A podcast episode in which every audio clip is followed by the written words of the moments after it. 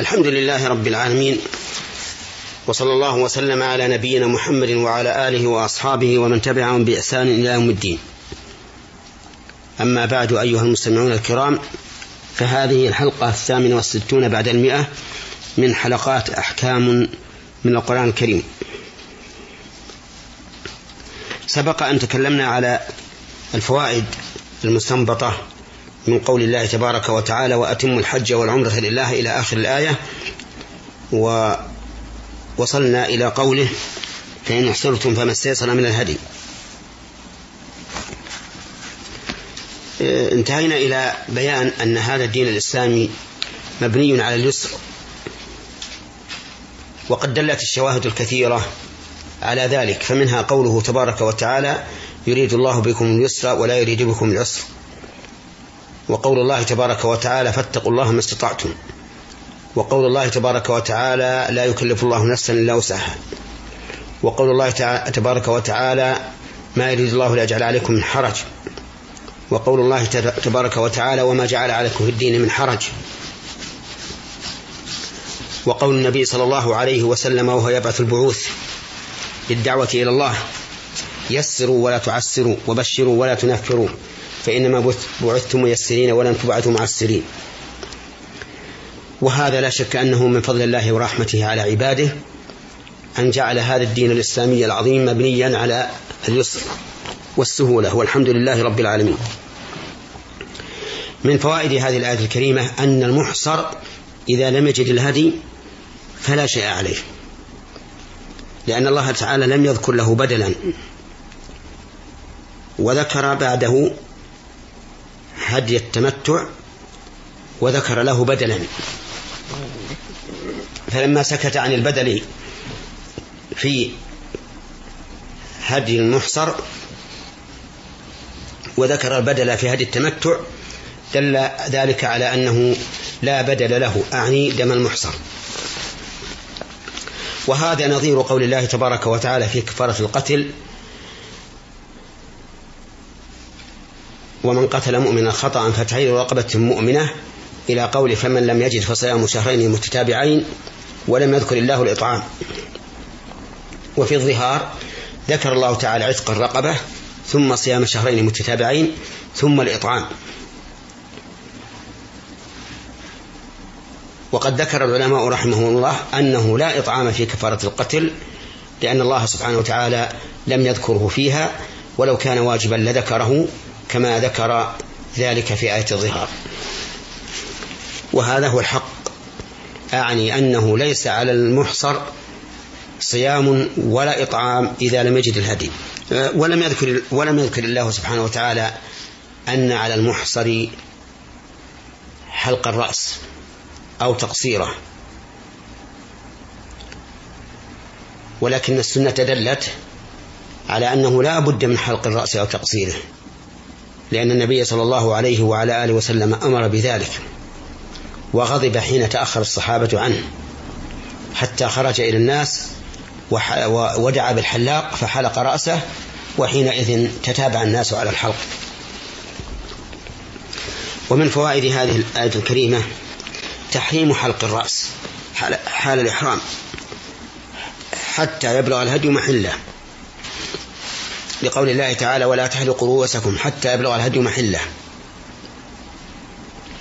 وإنما حرم الحلق والله أعلم لما فيه من زوال الشعث الذي هو من شعار الإحرام. ولأن شعر الرأس حلقه نسك في الحج والعمرة فلو حرق في أثناء الإحرام لفات الحصول على هذا النسك.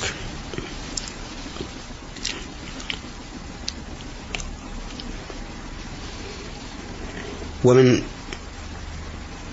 فوائد هذه الآية الكريمة أنه إذا بلغ الهدي محلة حل حلق الرأس فهل يكون هذا الحلق إطلاقا من محظور أي استباحة لمحظور بعد أن كان محظورا أو هو عبادة يتقرب بها الإنسان إلى إلى ربه عز وجل. واختلف في هذا العلماء على قولين.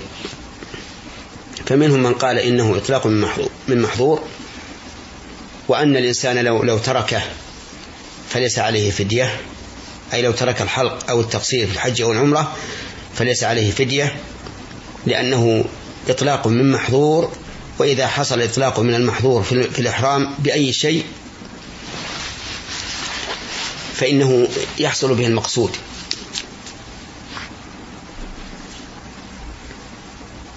ومنهم من قال إنه عبادة يعني الحلق ونسك لا بد منه وهذا القول هو الصحيح. ودليله أن النبي صلى الله عليه وعلى آله وسلم دعا للمحلقين. فقال اللهم اغفر للمحلقين أو ارحم المحلقين. قالها ثلاثا ثم قيل يا رسول الله والمقصرين في كل مرة يدعو بها للمحلقين فقال في الثالثة والمقصرين. فدل هذا على أنه عبادة يتقرب بها إلى الله عز وجل ولهذا دعا النبي صلى الله عليه وسلم لفاعلها بالمغفرة والرحمة. ومن فوائد هذه الآية الكريمة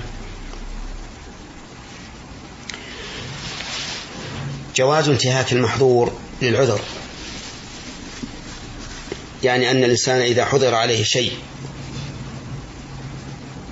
واحتاج إليه فإنه يحل له ويرتفع عنه الحظر. لكن من المحظورات ما تبيحه الحاجة. ومن المحظورات ما لا يبيحه إلا الضرورة. وحلق الرأس المحرم في الإحرام مما تبيحه الحاجة. لقوله ومن فمن كان منكم مريضا أو به أذى من رأسه ففدية. ومن فوائد الآية الكريمة أن وجوب الفدية لا يثبت إلا أن يزيل من من من شعر الرأس ما يحصل به إزالة الأذى. وأما ما دون ذلك فليس فيه فدية.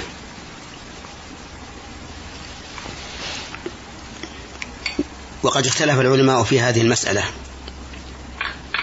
فقال بعضهم إذا أزال من شعر الرأس ولو شعرة واحدة فقد فقد ارتكب المحظور. لكن عليه في الشعرة الواحدة إطعام مسكين وفي الشعرتين إطعام مسكينين وفي الثلاث فدية. ومنهم من قال إذا أزال ربع شعر الرأس وجبت الفدية. ومنهم من قال إذا أزال من الرأس ما ما يحصل به إزالة الأذى وهذا مذهب الإمام مالك رحمه الله وهو أقرب الأقوال إلى الصواب. وعلى هذا فالشعرة والشعرتان والثلاث والأربع والخمس ليس فيها فدية. لكن الإنسان يكون قد ارتكب النهي وارتكاب النهي شيء والفدية التي علقت على وصف من, من أو معنى شيء آخر. ولهذا لما احتاج النبي صلى الله عليه وسلم إلى الحجامة وهو محرم احتجم في رأسه والحجامة تحتاج إلى إزالة الشعر. ولم ينقل عنه صلى الله عليه وعلى آله وسلم أنه افتدى. فأبيح حلق موضع الحجامة للحاجة ولا فدية فيه لأنه لم يزل شعر الرأس كل شعر الرأس كله ولم يزل منه ما يزال به الأذى.